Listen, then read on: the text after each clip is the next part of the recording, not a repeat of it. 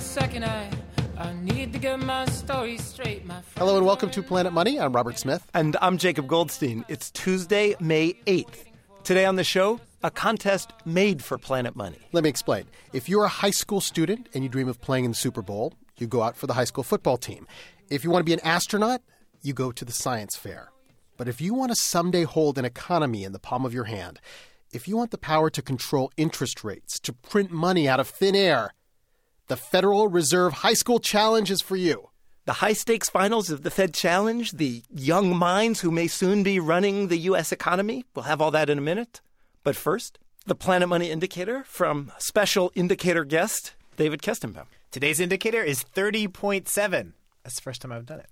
Construction output in Germany grew by 30.7% in March. That is a big jump.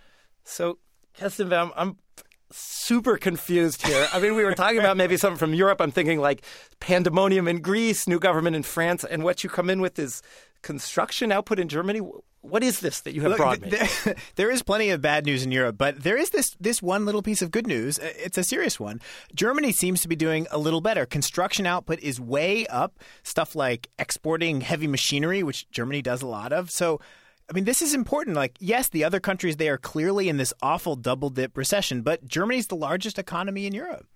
Okay, I, I buy it, and it seems important. We don't know if Germany is going to be willing to bail out and save the rest of Europe, but this indicates they might at least be able to. Thanks, David. You're welcome. And on to what I'm calling the Battle of the Bonds, the thriller of the vanilla, the Super Bowl of monetary control. I am referring to the High School Fed Challenge. Hello? Hello? Hello, everyone. Good morning. We're in a gym that's got a wood floor. There's a basketball court, but we're not at a high school. We're on a high floor at the New York Federal Reserve. It's this big, imposing stone building a few blocks from Wall Street in downtown Manhattan. And they actually have a decent basketball court up here. Hello, everyone. Good morning. Welcome to High School Fed Challenge. It's about 9 o'clock on a Tuesday morning, and there are about 100 kids here from schools in New York and Connecticut and New Jersey. A lot of blue suits, a lot of red ties. These kids, they will be competing today to see who can do the best impression of a central banker. We will find out today which of these teenagers has the chops to control the U.S. economy. Perhaps it will be a kid from the reigning championship team from Montclair, New Jersey. Montclair is a suburban town outside of New York. It's the kind of place you might live if, say, you actually worked at the Federal Reserve in New York. They had 30 kids show up at the high school in February to take just five spots on the team. There were multiple rounds of tryouts. Our school takes it quite seriously. And have you been practicing since February then? Yeah. We do like every day after school for at least two hours, like seven to nine most of the time. Montclair is the team to beat. And they exude so much confidence that they actually refer to each other as President so and so and and Governor so and so, as if they actually worked at the Fed. Their competitors include the team from Ridgefield, Connecticut. This team also made the finals last year. And the Ridgefield kids, they made nameplates calling themselves Governor so and so of the Fed. But at the last minute, they decided that was a little bit too much. Still, it's clear that they are really deep into this world. In fact, they're so deep that they've actually started to use central banking words in ordinary speech. Moderate. Moderate, relative, because you can use relative in any sense. You can use relative to 100 years ago, mm-hmm. and it's still correct. That's a relatively good answer. Anything else you've picked up? The word robust. I've seen that in almost every economics article I've ever read. Anchored. Well anchored. That's a good one. expected to is also another good measure because it lets you say something's expected to stabilize, for example, and then I think, for example, housing prices are expected to stabilize. It's one of the most recent reports. It was also on the reports from six months ago. It's really just use words that are just just vague enough. Just they, they get to a point, but yeah, you Don't know, make yeah, promises. Yeah. yeah. All this Fed lingo will come in very handy because the team that sounds most like the Fed will win this whole thing. There are three parts to the competition. One, each team has to diagnose the state of the economy. They will be using many charts and graphs. Two, each team must say what should the Fed do? Should it raise interest rates or keep them low? And three, the teams will have to answer crafty questions from actual economists at the Federal Reserve. Basically, these kids, they want to sound like this guy. Incoming information suggests that the economy has been expanding moderately. Most committee participants expect economic growth to remain moderate over coming quarters and then to pick up gradually. Ben Bernanke, chairman of the Federal Reserve, the gold standard, if you will. No gold standard jokes at the Fed, please, Robert. All right.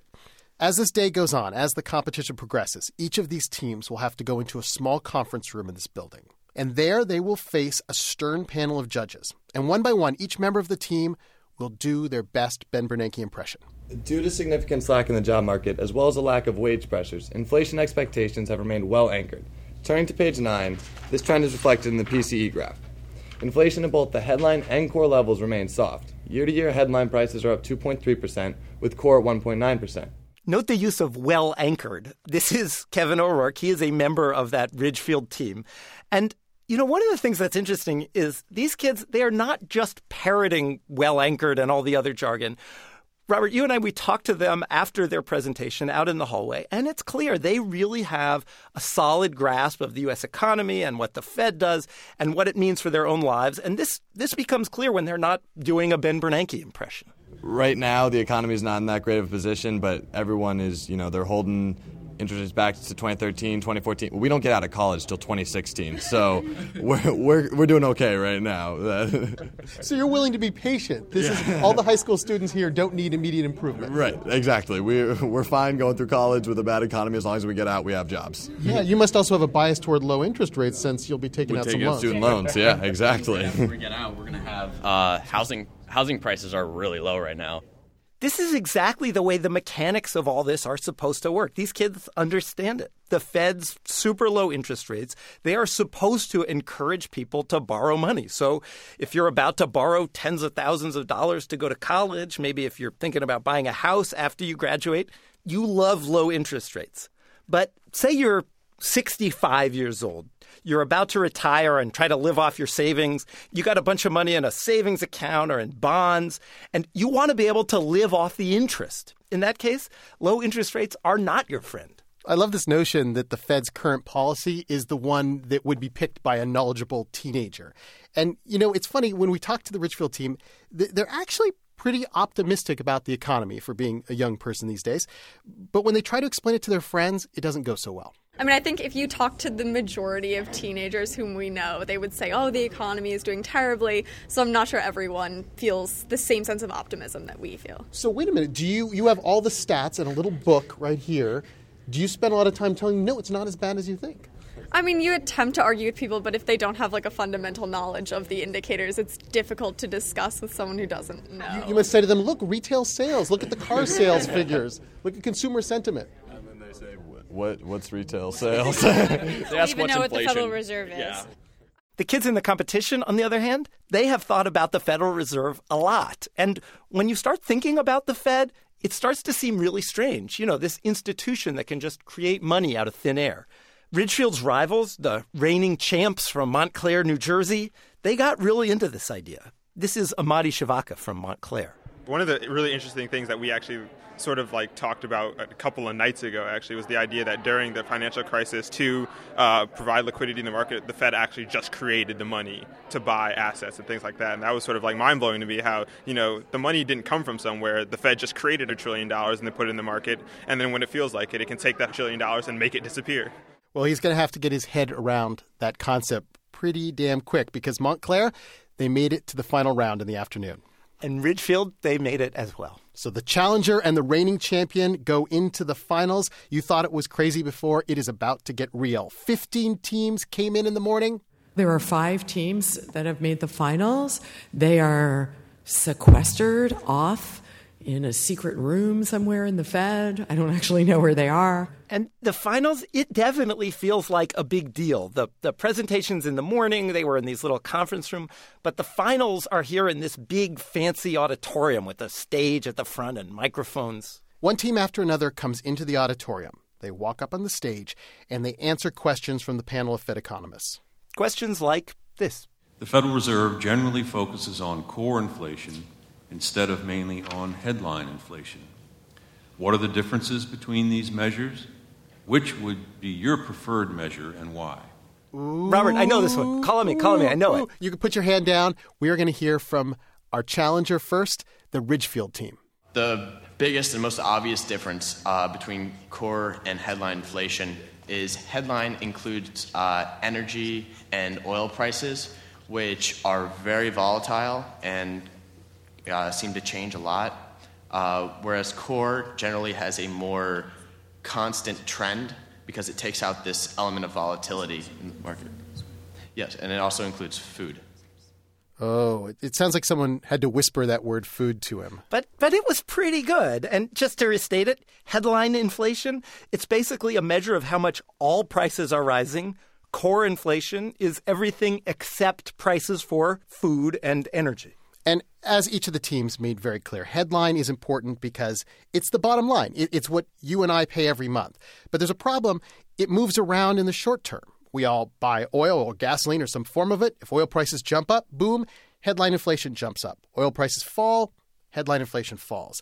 If the Fed tried to change its policy every time this price of oil changed or rose or fell, it would be a mess. So, in the short term, the Fed pays more attention to core inflation, which tends to be much more steady. And the Montclair team, they did a really good job of explaining this. But when we see political instability in the Middle East, headline inflation tends to increase because oil prices are increasing. And this isn't necessarily a long term change in inflation, and it is subject to change, as Governor Lin mentioned. And so core inflation is definitely uh, a more accurate tool for judging the long term increases in, in price levels. Whew. Both teams are hitting just the right note of authoritativeness and being really boring. Totally no. nailing it. Ah, they're so close. This is a squeaker. And we are about to find out who won. But, Robert, first, we have to get to our special Planet Money question that we asked these kids. Absolutely. We had to test them. Now, we all know what they're going to say if we ask them, oh, who's your favorite central banker? They're all going to say Ben Bernanke. So we wanted to know who is your second favorite central banker?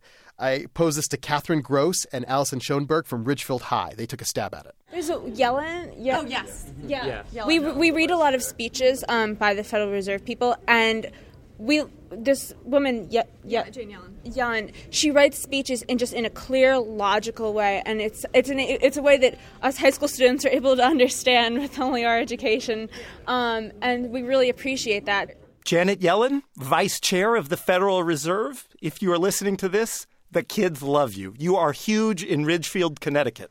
Now, let's go to Montclair. Who's your second favorite central banker? Uh, second favorite. Paul Volcker. Good one. Good one. Who's your second favorite central banker? Draghi. Draghi. I'm going Hans Weidmann on this one. that I didn't see coming. Who's Hans Weidmann? Isn't that the German guy? Weidmann, he's the head of the Bundesbank, which, let me admit, I had to look that up. Draghi is Mario Draghi. He's the head of the European Central Bank. And Paul Volcker, he was chairman of the Fed before these kids were born. You know, all the challengers are very good, but Montclair, Montclair, they live monetary policy. Our winner is Montclair High School. Congratulations. And they were very excited. It's funny that as soon as this was announced, they were like any teenager anywhere who wins a competition. They were 17 again the team from Ridgefield, they got an honorable mention. And, and, they seemed okay with that. I mean, some of them said they were interested in going into economics, and, and they talked about how they were actually angling for internships at the Fed. That would be the true prize, the shot at becoming the central bankers of tomorrow. Junius Brown, one of the students on the Ridgefield team, he took away from this a concept that I have to say, as a Planet Money reporter, is is dear to my heart. Typically, the more you look at economics, the more you realize that there's really a lot more going on than you'd expected. Have you found yourself to be more confused the more you know? Uh, I think well, it, it, depends. It's sort of like every every question you find an answer, but then with every answer comes another question a little bit beyond that. For that honorable mention, Ridgefield gets a trophy that they can bring back to their school, and they said it probably will not go into the case with all the sports trophies. They said they'll probably keep it in the economics room, where people are more likely to appreciate it.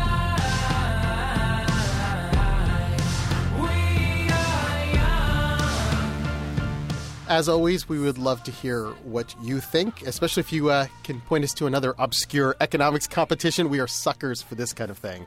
Email us, planetmoney at npr.org. You can also find us on Facebook, Twitter, Spotify, and Tumblr. I'm Jacob Goldstein. And I'm Robert Smith. Thanks for listening.